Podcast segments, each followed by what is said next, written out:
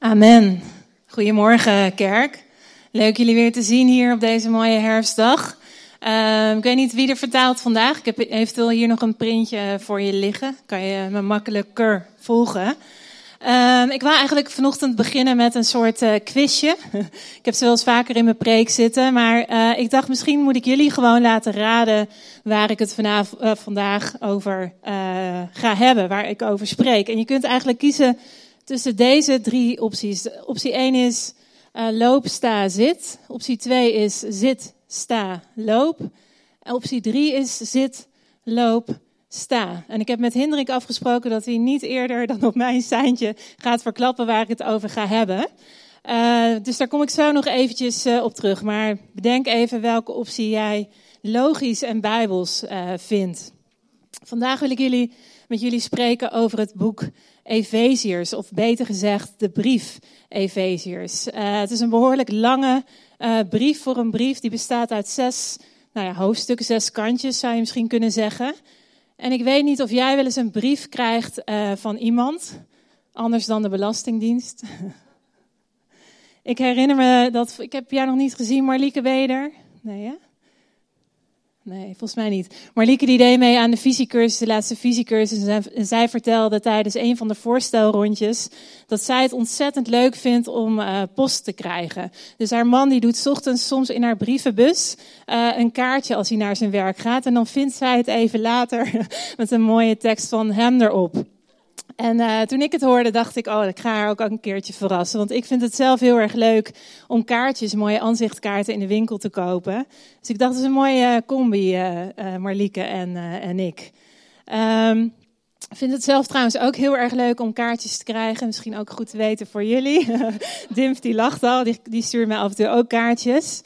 Uh, een paar jaar geleden uh, gingen mijn ouders, Jan Bernard en Tineke, die daar achteraan zitten, uh, een tijdje op sabbatical naar Zuid-Afrika. En toen kreeg ik elke week een handgeschreven brief van mijn moeder. Heel erg leuk. ik heb ze nog steeds bewaard. Een hele stapel is het geworden. En mijn moeder die kan echt schrijven. Ze schrijft alsof je er gewoon bij bent. Je hoort haar gewoon vertellen, zeg maar. Als je haar brieven uh, leest, dan hoor je haar praten en dan zie je gewoon voor je wat ze allemaal beleefd heeft en wat ze bedoelt. Uh, soms stonden er tussen de teksten in die brieven stonden er ook van die kleine schetsjes. Dan was ze bijvoorbeeld ergens geweest en dan schetste ze dat, had ze een olifant gezien, betekende een soort van olifant in de kantlijn van de brief. En wat ik deed is, ik legde soms uh, die brieven gewoon naast mijn bed. Als ik haar een beetje miste. En dan uh, las ik er eentje vlak voordat ik ging slapen. Dan bewaarde ik hem voor dat uh, moment. En dan voelde ik echt alsof, ja, dan voelde het echt alsof ze heel erg dicht bij me was. En ik denk dat het ook zo werkt met de brieven van Paulus als we die lezen. Ehm, Paulus die had een gemeente gesticht in Turkije, in Efeze, een grote stad ergens aan de zee. Dus hij was een gemeentestichter. Uh, en heel toevallig uh, zijn een aantal vrienden van mij hier vandaag die met gemeentestichting bezig uh, zijn. Misschien kun je even zwaaien. Tom en Tony, Brooke. ze hebben heel veel moed, hè Brooke, zelfs in een moslimland. Het is echt fantastisch dat je daarmee bezig bent. Maar wat betreft Paulus, omdat hij zoveel mensen over Jezus vertelde, uh, kwam hij in de gevangenis uh, terecht. En ik dacht op zich geen slechte reden om in de gevangenis te zitten, toch? Als je zoveel over Jezus vertelt. Maar goed, hij zit dus op dat moment vast en hij kan niet persoonlijk naar Efeze toekomen. Dus hij schrijft een brief aan die mensen in Efeze. En die brief, die wil ik vandaag centraal stellen. Uh, zijn brief is echt uh, bemoedigend. Het is een aanmoediging om Jezus te gaan en uh, hem te blijven volgen. Hij wilde eigenlijk zoveel mee zeggen tegen ons als: kom op mensen, houd vol, zet hem op allemaal. maar Paulus die schrijft in die brief, als je hem goed leest, ook een aantal waarschuwingen op. Dus niet geen schetsjes zoals mijn moeder, maar een aantal waarschuwingen. Als je het goed leest, staan er tussen. Het zijn eigenlijk een soort van tips meer. Uh, zo van let op, kijk uit jongens, uh, voor dingen als hè, verkeerde machten of verleidingen die je juist af willen houden van Jezus. Nou, zelf vind ik, nou, het is wel duidelijk denk ik, Efezië is echt een hele mooie, inspirerende uh, brief. En een paar jaar geleden, volgens mij nu alweer vijf of zes jaar geleden, begon ik. Ik heb hem inmiddels ook afgerond aan een theologische studie van Vineyard. Leadership Institute heette dat toen. En ik weet nog goed dat mijn allereerste vak wat ik daar volgde, uh, dat ging over Efeziërs. En alle uh, studenten, en ik dus ook, uh, we moesten de brief helemaal van begin tot eind uitpluizen. En we moesten hem eigenlijk als het ware eerst verdelen in thema's en dan weer in subthema's. En van die subthema's kwamen we uiteindelijk dan uit, tenminste ik kwam uit op 28 one-liners. Dus 28 regels, zinnen. En uiteindelijk hield ik drie woorden over. En ik denk dat dat heel leuk klinkt, klinkt om dat te doen, maar ik ben er echt zes weken lang uh, mee bezig geweest om tot drie woorden te komen. Uh, maar goed, dus van één hele lange brief met zes hoofdstukken uh, kwam ik uit bij drie codewoorden, drie kernwoorden. En je raadt het al, Hendrik, je mag de volgende slide doen. Zit, loop, sta. Wie van jullie had die optie gekozen net? Aan het begin, ja, dat kan je nu makkelijk zeggen. Ik had eigenlijk aan het begin even moeten vragen waar jullie voor kiezen. Hè? Maar, uh, maar die drie woorden, uh, zit, loop, sta, dat, dat is zeg maar de samenvatting of de kern, de hoofdlijn uh, van Efeziërs. Daar komt de brief op neer. Paulus had zichzelf dus een hoop moeite, dacht ik, kunnen besparen. Door gewoon te zeggen, beste Efeziërs, zit, loop, sta caprice. Amen en de groetjes van Paulus. Dan, uh, nou ja, dan hadden we hetzelfde gehad. Stel je voor, maar uh, dat zou natuurlijk niet zo'n hele gezellige uh, brief zijn geweest. En dat snap ik ook wel. Dus misschien nog een vraagje aan jullie voordat we verder gaan. hoe fit zijn jullie eigenlijk? Hoe fit ben jij? jullie denken, vraag dan aan jezelf. Uh, misschien een andere vraag. Wie van jullie heeft er een stappenteller op zijn telefoon, net als ik? Ja, doe je er ook wat mee? Kijk je er wel eens naar? En hoeveel stappen zetten jullie gemiddeld per dag? 10.000? Meer? Wie biedt meer? Uh, het schijnt zo te zijn dat de meeste mensen zo'n 6000 stappen per uh, dag uh, zetten. En om echt gezond te leven moet je inderdaad die 10.000 stappen zetten, minimaal. Um, en ik denk dat dat voor de een van ons makkelijker is dan voor de ander. ik weet niet wie van jullie een zittend beroep hebben. Ik denk best wel veel mensen hier. Um, wie um, heeft er een staand beroep? ja, wel een paar, inderdaad.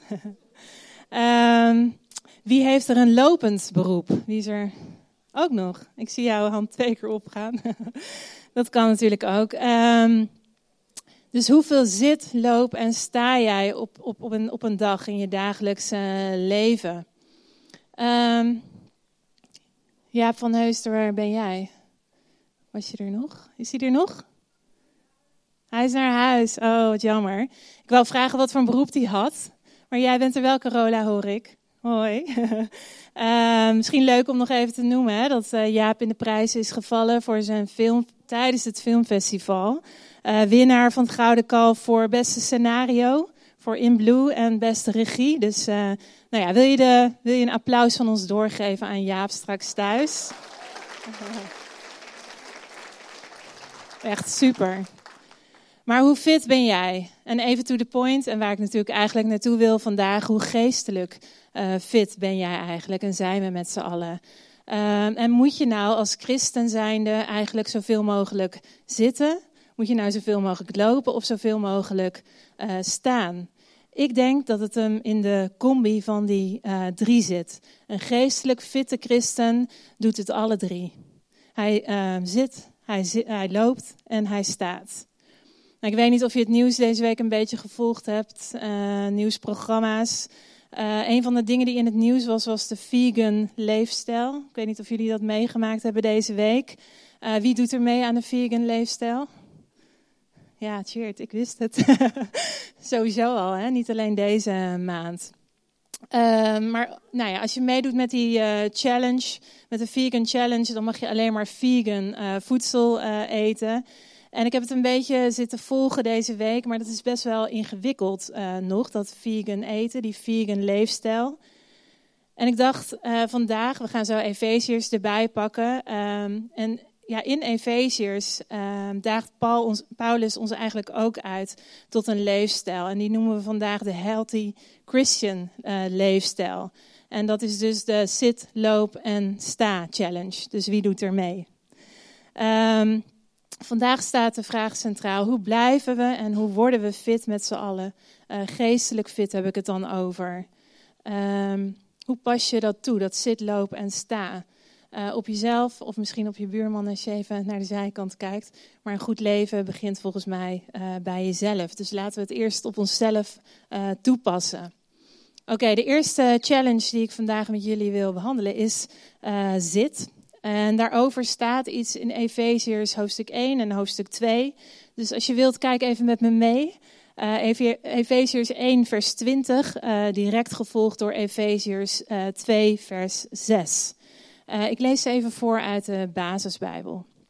Te beginnen bij hoofdstuk 1, vers 19. Gods kracht werkte in ons. Die kracht is dezelfde sterke macht waarmee God Jezus weer levend maakte. En het is dezelfde macht waarmee hij Jezus in de hemelse plaatsen een plaats gaf. Naast zichzelf. Nu is Jezus machtiger dan elke andere macht en kracht en gezag die je maar kan bedenken. En niet alleen in deze wereld, maar ook in de wereld die nog komt. God heeft hem over alles macht, de macht gegeven. Hij is heerser geworden over alles wat er is. Dus in deze verse schrijft Paulus ons eigenlijk uh, God, uh, Jezus, uh, dat, dat, God Jezus een plaats heeft gegeven in de hemelse gewesten. Dat staat er. Jezus die zit naast God in de hemel. Hij zit aan de rechterkant van God. Op de belangrijkste plaats zou je kunnen zeggen. En uh, door daar te zitten, uh, daar op die plek naast God plaats te nemen, is Jezus, Jezus machtiger dan wie of dan wat dan ook. Vanuit die positie, die zitpositie, zittend, regeert hij over alles en over iedereen. Nou, we springen door naar Efeziërs 2, vers 1. En dit gaat over ons, volgens mij. Vroeger waren jullie geestelijk dood. Dus dat is iets anders dan geestelijk fit, volgens mij. Uh, dat kwam door jullie ongehoorzaamheid aan God en door de slechte dingen die jullie deden. Dan naar vers 4. Maar God is vol medelijden. Hij wil ons graag vergeven, omdat Hij zo ontzettend veel van ons houdt. Daarom heeft Hij ons tegelijk met Jezus geestelijk levend gemaakt.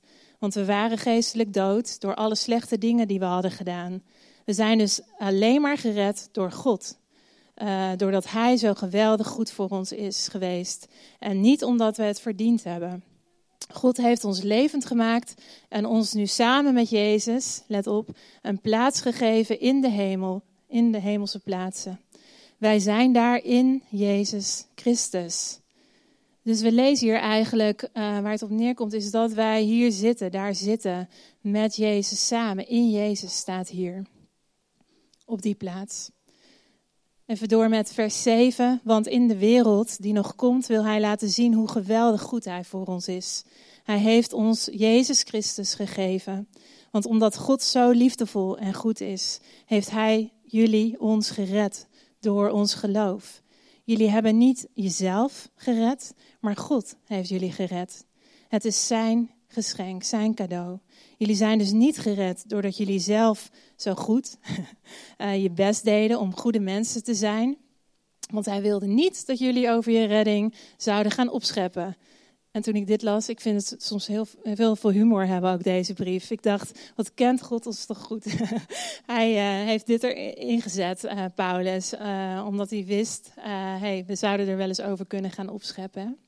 En zo fijn, uh, dacht ik ook toen ik deze tekst weer las, uh, dat geloven, dat ons geloof op deze manier werkt. Dat wij niks uh, kunnen doen of kunnen laten om de redding van God te verdienen. Het is een cadeau dat God al voor ons heeft klaar liggen. Hij heeft het al gekocht en hij heeft het voor je klaar liggen, voor ons klaar liggen. Door naar vers 10, want God heeft ons gemaakt en hij heeft ook zelf in Jezus Christus nieuwe mensen van ons gemaakt. Nu kunnen we voor Hem de goede dingen doen die Hij van tevoren al voor ons had bedacht. Dus even een recap zeg maar, van hoofdstuk 1 en 2 van de teksten die ik net uh, las. Uh, wat probeert Paulus ons hier nou duidelijk te maken met al deze teksten? Ik denk dat Paulus uh, hier zegt, jongens, het gaat allemaal over Jezus. alles begint met Hem. En het begint niet met ons of bij ons. Het begint bij Jezus. En het begint bij zitten. In Genesis staat dat God uh, de wereld in zes dagen schiep, hè? Klopt? en op welke dag schiep God de mens? Op welke dag schiep uh, God de. Uh, waarom koos hij de zesde dag uit? En waarom koos hij bijvoorbeeld niet uh, dag twee of dag drie? Goeie vraag, hè? Ik vermoed uh, dat God dat deed omdat hij wist uh, dat als hij ons eerder uh, had geschapen, gemaakt, dat wij misschien wel een handje zouden willen helpen met de rest van de schepping. Uh, dan zouden we vast op het idee gekomen zijn van, uh, God, ik uh, zie dat u de bergen nog niet heeft gemaakt. Laat mij nou iemand kennen in de bouw, die in de bouw werkt, die u wel een handje kan helpen. Of misschien zouden we aanbieden aan God, ik ken nog wel, ik heb een vriendje die architect is, die kan u wel helpen. Um, maar wat God doet, is hij maakt eerst de schepping af en dan als laatste maakt hij de mens. En daarna, aan het einde van dag 6, dus aan het eind van dag 6, toen wij af uh, waren, toen zei hij tegen zichzelf: Ik heb goed werk geleverd. Ik heb het goed gedaan. Hij was tevreden, hij was uh, voldaan uh, aan het einde van dag 6. En op dag 7 rust God uit van alles wat hij heeft gedaan. Dus moet je je voorstellen, op onze eerste volle dag hier op de planeet, dag 7, is er gewoon niks voor ons om te doen. Uh, God maakt ons en dan neemt hij eigenlijk vrij. Hij gaat op vakantie. En ik vind dat zo'n fantastisch plaatje van wie God is. Vind je ook niet? Wij willen zo graag met alles in ons, uh, van alles voor God doen. En dat is fantastisch, dat vindt hij ook fantastisch. Maar ik denk dat een fitte uh, christelijke levensstijl begint niet met ons, met jou en mij, die dingen voor God willen doen. Nee, het start met het besef uh, van wat Hij uh, al heeft gedaan voor ons. God maakte de wereld uh, zonder ons. Wij waren het laatste dat Hij maakte en toen begon onze eerste dag met rust. Voordat we iets hoeven doen. We beginnen met zitten voordat we gaan lopen of dingen doen. En dat geldt niet alleen voor de schepping, zoals ik net vertelde, maar dat geldt ook voor onze redding. Toen Jezus uh, stierf aan het kruis, uh, hielp niemand hem. Uh, de discipelen die lieten hem één voor één, stuk voor stuk alleen. die gingen bij hem weg of erger, ze verraden hem. dus Jezus die stierf daar helemaal alleen en daar koos hij zelf voor. En dat deed hij voor ons. En weet je nog, we hebben het met Goede Vrijdag daarover gehad. Zijn laatste woorden waren: Het is volbracht. Ik heb het gedaan. Ik heb het gedaan. Het is over. Een fitte christelijke levensstijl start niet met doen. Het begint met gedaan. Jezus heeft het gedaan. En daar kunnen wij in rusten. Dus God die nodigt je uit. Hij zegt: Kom bij me zitten. Kom bij me zitten. Sla je arm om me heen. En houd me stevig vast. Zo'n mooi nummer van Van Dikhout, ken je dat? Maar God zegt hetzelfde tegen ons vandaag. God zegt: Kom bij me zitten, dan zing ik over jou. Dus challenge 1, waar we het over hebben, zit. Kom bij me zitten, zegt God. En besef eens hoeveel ik van je houd, hoe enorm veel. Uh, ik heb je vergeven. Um, en ik heb zo ontzettend veel voor, uh, voor je gedaan. Zit, zit bij me en mag ik, over jou, mag ik dat over jou zingen? Ik weet niet wie van jullie Watchman uh, Nee kennen. Uh, hij zegt ook iets heel interessants over zitten. Ik uh, zeg het even in het Engels, want hij heeft het in het Engels uh, verwoord. Maar hij zegt: To sit down is to rest your whole weight, dus je hele gewicht, your load, yourself, your future, everything upon the Lord. Dus mocht je dat nog niet hebben gedaan, dan is dit ook een uitnodiging voor je. Ga bij Jezus zitten. Met je, ja, leg je hele gewicht, je hele toekomst op Hem. Zitten met Jezus, dat is het eerste wat we moeten doen. Uh, daar begint het. En daar ga je, tenminste dat is mijn ervaring, zoveel van Hem houden, van Jezus houden. Zoveel dat je klaar bent uh, voor de volgende challenge. En dat is loop. Dus door met de tweede challenge, loop. Ehm, ik moet jullie uh, even wat bekennen, denk ik. Ik ben super slecht in geschiedenis. Ik weet niet wie van jullie dat herkennen. Ik zag net Sanne ergens lopen. ik zag daar een vinger. Ik zag net Sanne ergens lopen. Jij geeft volgens mij geschiedenis. Uh, dus bij deze, ja, Sanne, sorry. ik vind het echt een heel leuk vak en ik zou er heel graag heel goed in, uh, in willen zijn. Maar het is gewoon niet mijn ding om al die jaartallen uh, te onthouden en dat soort dingen. Ook kerkgeschiedenis, wat misschien best ook ontzettend interessant is. Het gaat er bij mij gewoon op de een of andere manier niet in. En ik schaam me daar best een beetje voor dat ik data van belangrijke momenten in de geschiedenis niet kan onthouden. Ehm, zo loop ik wel eens met, een, uh, met iemand uit het buitenland door de stad, een buitenlandse vriend, en dan uh, door Utrecht. En dan kan ik geen één jaartal herproduceren. Ik weet niet of u dat kent. Dan ben je bij de dom en dan denk je, oh leuk om te vertellen nou ja, over van alles en nog wat. En ik, nou, het lukt me gewoon niet om dat te reproduceren. Ik kan niet eens mijn eigen geboortejaren onthouden. nou is dat niet zo erg en nog niet zo lang geleden, maar, maar toch. Um, ik weet niet of jullie uh, goed zijn in het onthouden van jaartallen. Sommige mensen zijn er heel goed in. Wanneer ben je bijvoorbeeld getrouwd? In welk jaartal? Roep eens. Uh, nee, bij sommigen kwam het er inderdaad heel snel uh, uit. en wie van jullie heeft er kids? Hebben heel veel van ons hebben natuurlijk kinderen. weet je nog wanneer ze precies gingen zitten? Staan? Lopen? buikschuiven, tijgeren. Maar daar gaat het vandaag natuurlijk niet over. Uh, weet je nog wanneer ze hun eerste woordje uh, zeiden? Welke datum dat was? Nou blijft het wel heel stil. Uh, en welk woordje was het? Opa. Weet je nog uh, de eerste datum dat ze hun eerste plasje op een potje deden? Of voor het eerst met de pot mee aten? Ehm, Volgens mij zijn jullie er ontzettend uh, goed in. Uh, terwijl ik sommigen ook uh, zie en hoor twijfelen. Zo van, ik weet niet eens meer welke sokken ik mijn kind vanochtend aan heb gedaan. Of die wel sokken aan heeft. ik voorkom dat door het gewoon het hele jaar door geen sokken aan te doen. Hoef je er ook niet over na te denken. Hoef je het ook niet te onthouden. Um, maar goed. Um, ik denk dat je je niet hoeft te schamen als je uh, uh, niet alles kan onthouden, toch? Um, een vriendin van mij, daar wou ik jullie over vertellen, um, die is ook niet zo goed, net als ik, in het onthouden van dingen. En die vertelde me laatst over een moment dat zij uh, nooit zal vergeten. Uh, na wat moeite kreeg zij een dochtertje met de naam Puk. En uh, ze was zo blij met haar. Ze was zo blij met haar. En uh, alle momenten van, uh, van deze Puk waren even bijzonder voor haar. haar eerste woordje, het eerste woordje van Puk was papa. En haar tweede woordje was avocado. Ik weet ook niet waarom. En uh, mijn vriendin was ervan overtuigd dat Puk echt in alles uh, bovengemiddeld briljant en uh, buitengewoon was. later bleek dus dat Puk gewoon een gemiddeld IQ heeft. Maar ook dat vonden ze helemaal geweldig. um, nou goed, mocht je het nog niet hebben opgepikt, mijn vriendin ehm, die was super gek op haar dochtertje. Uh, maar er was één ding uh, waar ze een beetje gek van werd. Uh, Puk die wou niet in beweging komen. Puk die houdt van observeren. ze vindt het heerlijk om gewoon achterover te zitten en gewoon alles te observeren, rond te kijken naar wat er allemaal in de kamer om haar heen gebeurt. En ook toen Puk twaalf maanden, ongeveer twaalf maanden oud was, was ze nog steeds heel happy met gewoon zitten en kijken.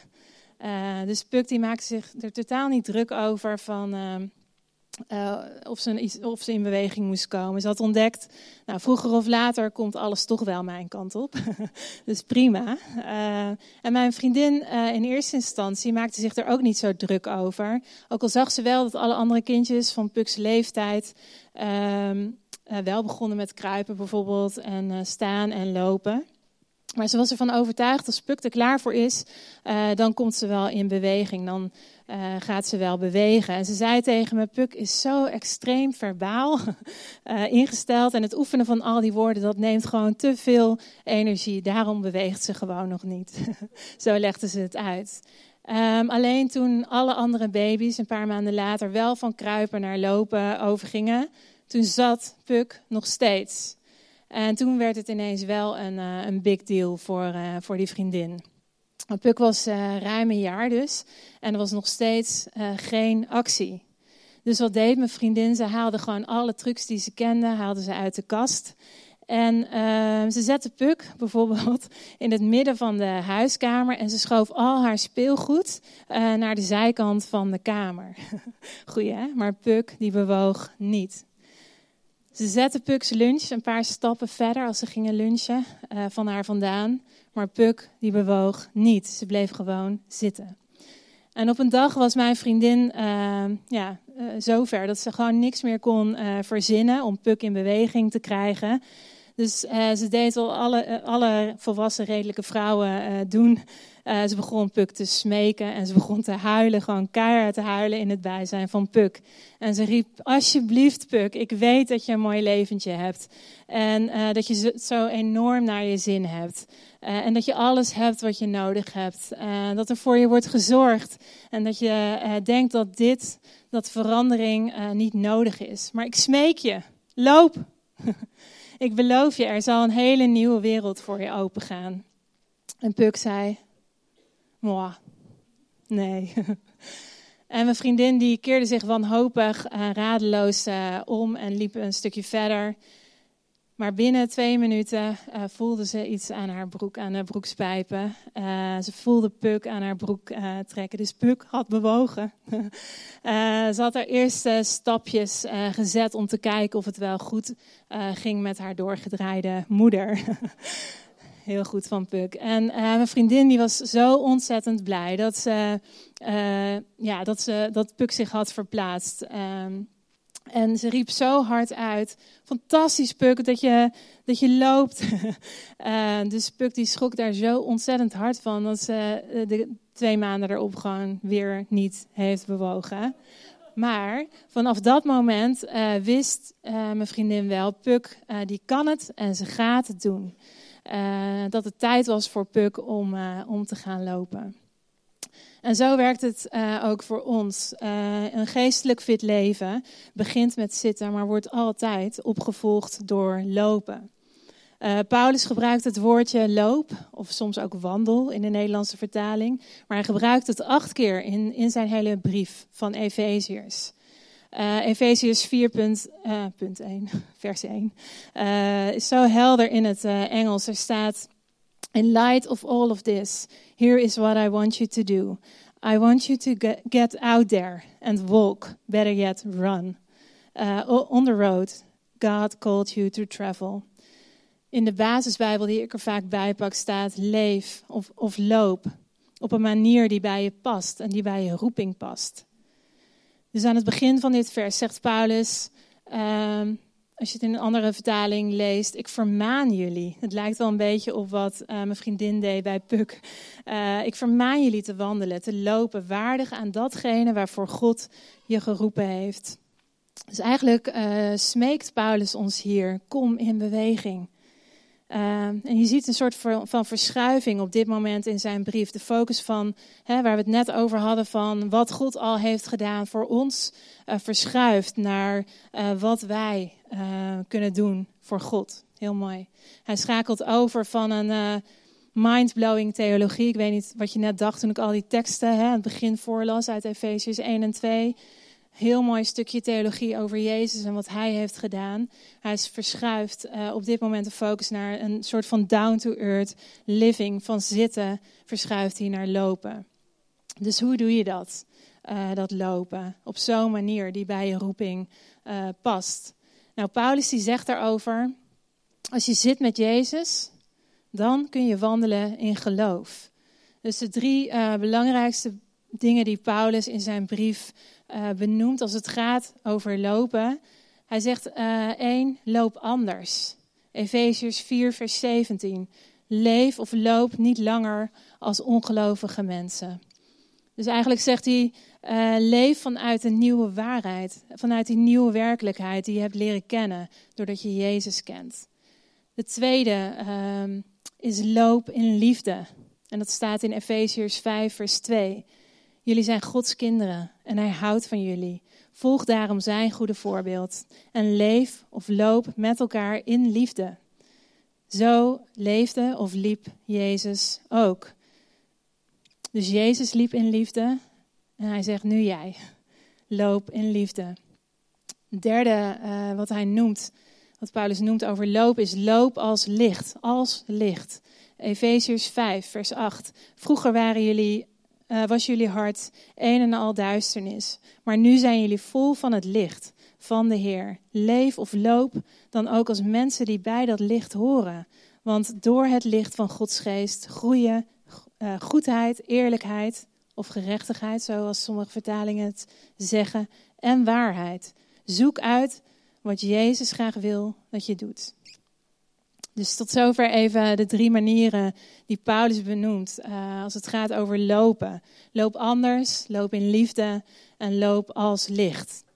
Ik weet niet uh, of jullie er moeite mee hebben gehad vanochtend, maar vandaag is de singelloop uh, hier in Utrecht. Um, voor degene, nou ja, degene die aan meedoen, die zijn er natuurlijk helemaal niet. uh, maar wat er gebeurt is voor zo'n singelloop, dus volgens mij twee keer per jaar, uh, wordt het hele centrum van de stad uh, afgezet voor die lopers. En volgens mij doen er iets van 10.000 lopers aan mee, dus dat is heel veel. Ehm, wat betekent dat ik dus niet meer thuis kom na de dienst vandaag. Uh, maar ik dacht, uh, het is een mooi beeld van lopen en tienduizenden lopers. Ik dacht, hè, ik, en ik hoop dat doordat wij als christenen allemaal lopen op de Jezus-manier waarover we het net hadden, er nog veel meer mensen wel gaan thuiskomen uh, bij God. Dus ik vroeg me af, loop jij al op een manier die past bij je roeping? Paulus die moedigt je vandaag aan, kom in beweging voor God. Hey, doe mee. it's time to walk. Net als kleine meisje Puk. En waarom? Zodat jouw wandel impact heeft op iedereen uh, hier binnen en ook buiten de kerk. Uh, en je een verschil kunt maken in de levens van de mensen om je heen. Uh, zodat de wereld Jezus kan zien en ziet en thuiskomt bij Hem. De laatste die we nog hebben is zit. ik hou het kort. Uh, staan, heel goed. Jullie zijn er nog bij. het ging wel per ongeluk, maar staan. Uh, dat is de derde en laatste challenge voor vandaag. Zit loop sta challenge. Um, en deze is ook super belangrijk uh, voor een healthy Christian leefstijl. Staan. Paulus die wijt er niet voor niks het hele laatste hoofdstuk van zijn brief aan, hoofdstuk 6. Onze christelijke leefstijl uh, begint met zitten, gevolgd door lopen, maar ook elke christen uh, moet leren om te staan. Weer die watchman niet, maar hij zegt dit erover: Only those who sit can stand. Our power is uh, for standing, as for walking, lies in our having first been made to sit together with Jesus. The strength for Christian walk and warfare comes from that position. If we are not sitting before God, we cannot stand before the enemy. Dus vanuit die zitpositie met Jezus kunnen we blijven staan tegen de vijand. Daar gaat het hier over. Als je Jezus volgt voor de rest van je leven, uh, en sorry dat ik het zo zeg, maar dan kom je uh, er niet van af zonder een aantal, een paar van die littekens. Uh, we zitten in een strijd, uh, samen in een strijd, in een geestelijke strijd, waarvoor je geestelijk fit uh, wilt zijn. je gaat klappen krijgen en misschien uitdelen. je gaat af en toe vallen, dus het is tijd om je daarop te kleden, zoals Paulus het zegt. Hoe kun je blijven staan in het conflict dat er gaande is met de duisternis? Dat is een goede vraag, denk ik. En Paulus die geeft ons opnieuw drie tips, zeker drie. De eerste staat in Efeziërs 6, vers 11. Sta, sta sterk in de kracht van de Heer. Doe de hele wapenrusting aan van God um, om stand te kunnen houden, te kunnen staan tegen de listen van de duivel. Dus sta sterk tegen de listen van de duivel in de kracht van de Heer. Wij zijn uh, op onszelf, in ons eentje, uh, niet sterk genoeg uh, om te staan. We hebben Gods kracht daarbij nodig. Dus sta sterk in Jezus. Nou, de tweede tip van Paulus die staat twee versen verderop in vers 13. Doe daarom de hele wapenrusting aan van God. Dan kun je je verdedigen als het kwaadje aanvalt. En dan kun je ook blijven staan als je alles hebt gedaan wat je moest doen.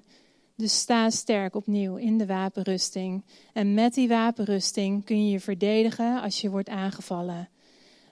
Nou, een aanval, uh, ik weet niet hoe het met jou zit, maar een aanval brengt mij uit balans. Uh, dus wat denk je? Dat is misschien een goede vraag om te stellen. Stel je voor, ja, je wordt aangevallen. Uh, je wordt uit balans gehaald. Uh, gaat het jou dan weer lukken om, uh, om te staan, om op te staan? Kan jij staan in zo'n soort situatie? Nou, een paar weken geleden kreeg ik een hele leuke foto via de app. Op zaterdag volgens mij, of op een andere dag, ik weet het eigenlijk niet meer. Maar de foto was van een koorddanser. Um, en er was dus blijkbaar een jongen die dag uh, die een koord van de ene kant naar de andere kant van de Oude Gracht had gespannen ter hoogte van de Coffee Company, mijn favoriete plekje. Um, en ik weet niet, heeft iemand van jullie zijn optreden die dag uh, gezien? Hij is volgens mij wel eens vaker geweest. Nou ja, een aantal wel. Het was heel leuk om naar te kijken. Ik heb het niet live gezien, maar ik heb er wel een filmpje van. Dus kijk even met me mee. Kijk goed, want hij duurt maar 16 seconden. De A32 Leeuwarden-Heerenveen tussen Achteren en Heerenveen 4 kilometer 17 minuten. Langs de op de A50 Vlissingen-Breda tussen Hoge Heide en Heerlen 3 kilometer 39 minuten. Linkerrijstok is daar dicht na een ongeval. Jammer dat hij niet langer duurt, hè? maar heel knap van deze jongen. Ik dacht, wat een beeld, wat knap van hem. Maar de vijand die wil ons dus uit balans uh, brengen. Maar Paulus, uh, Paulus die bemoedigt je vandaag. En hij zegt, je kunt effectief zijn in het koninkrijk van God als je vertrouwt op Gods uh, kracht. Dus zitten met Jezus geeft je de stabiliteit die je nodig hebt om te kunnen blijven staan als je uit balans wordt gebracht. En ik denk, de vijand weet ook wel dat wiebelige christenen, om het zo maar even te noemen, een makkelijk doelwit zijn. Hij, speel, hij speelt, daar staat hij onbekend, een fel spelletje. En hij speelt vaak nog vals ook. Uh, dus uh, wat je moet uh, doen om sterk uh, te staan, ehm, trek die wapens die God voor je heeft. Neem die aan, gebruik ze. Ehm, en daarmee kun je je verdedigen tegen zo'n aanval.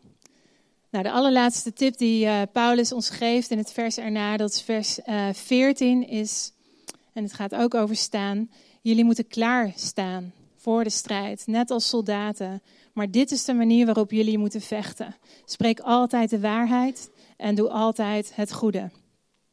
Wat een mooie wapens geeft God ons, hè? Spreek waarheid, is wapen 1. Doe het goede, is wapen 2. En hij geeft nog meer wapens in de tekst die eronder staat. Maar die laten we even voor wat het is vandaag.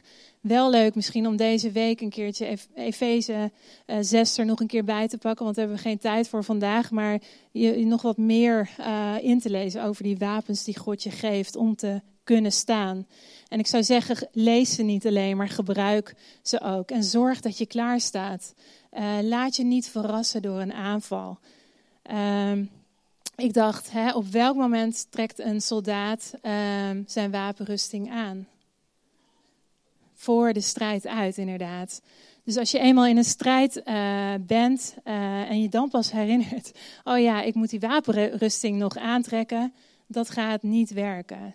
Dan is het eigenlijk al te laat. Dus Paulus die zegt tegen ons vandaag ook, sta uh, klaar.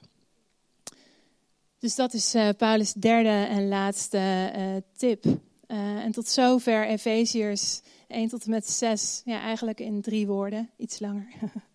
uh, zit, sta en loop. Uh, of zoals je wilt, in drie andere woorden. Rust, kom in beweging en vecht. Nou, hoe? In, door en met onze Jezus. Dus wie van jullie doet er mee aan de zit, loop, sta challenge? Ik hoop dat God tegen een aantal van ons heeft gesproken. Hè? Door de preek van vandaag. Misschien al tijdens de aanbidding is, is hij begonnen met spreken. Maar ik kan me voorstellen dat je, dat je hebt gedacht. Um, Ik heb de hele tijd, ik, ik ben heel goed in zitten geworden. Het is ook een fijne plek daar bij Jezus. Ehm, maar het is alsof Jezus en God tegen, tegen je zegt vandaag, net als tegen Puk, uh, kom in beweging. Het is tijd om te gaan lopen. Ehm, en ik kan me ook voorstellen dat er een aantal van, van ons, van jullie zijn, ehm, die uh, volop in die strijd uh, zitten. En volop bezig zijn om te blijven staan. En proberen uit alle macht om niet uit balans te raken. ook dan heb ik het idee dat God je uitnodigt en zegt: Kom weer even zitten bij Jezus. Het is niet of, of, of. Het is altijd zitten, lopen en staan. Maar kom weer even terug bij Jezus. En, en, en ja, hij maakt je sterk voor de strijd. Dus we houden van u, Jezus. Dank u wel voor deze ochtend zo samen in uw aanwezigheid. We vragen gewoon op dit moment: kom, Heilige Geest. Kom, Heilige Geest, met uw aanwezigheid en werk de woorden van Paulus uh, uit in ons hart, in ons leven. En zet ons in beweging voor God en voor de wereld.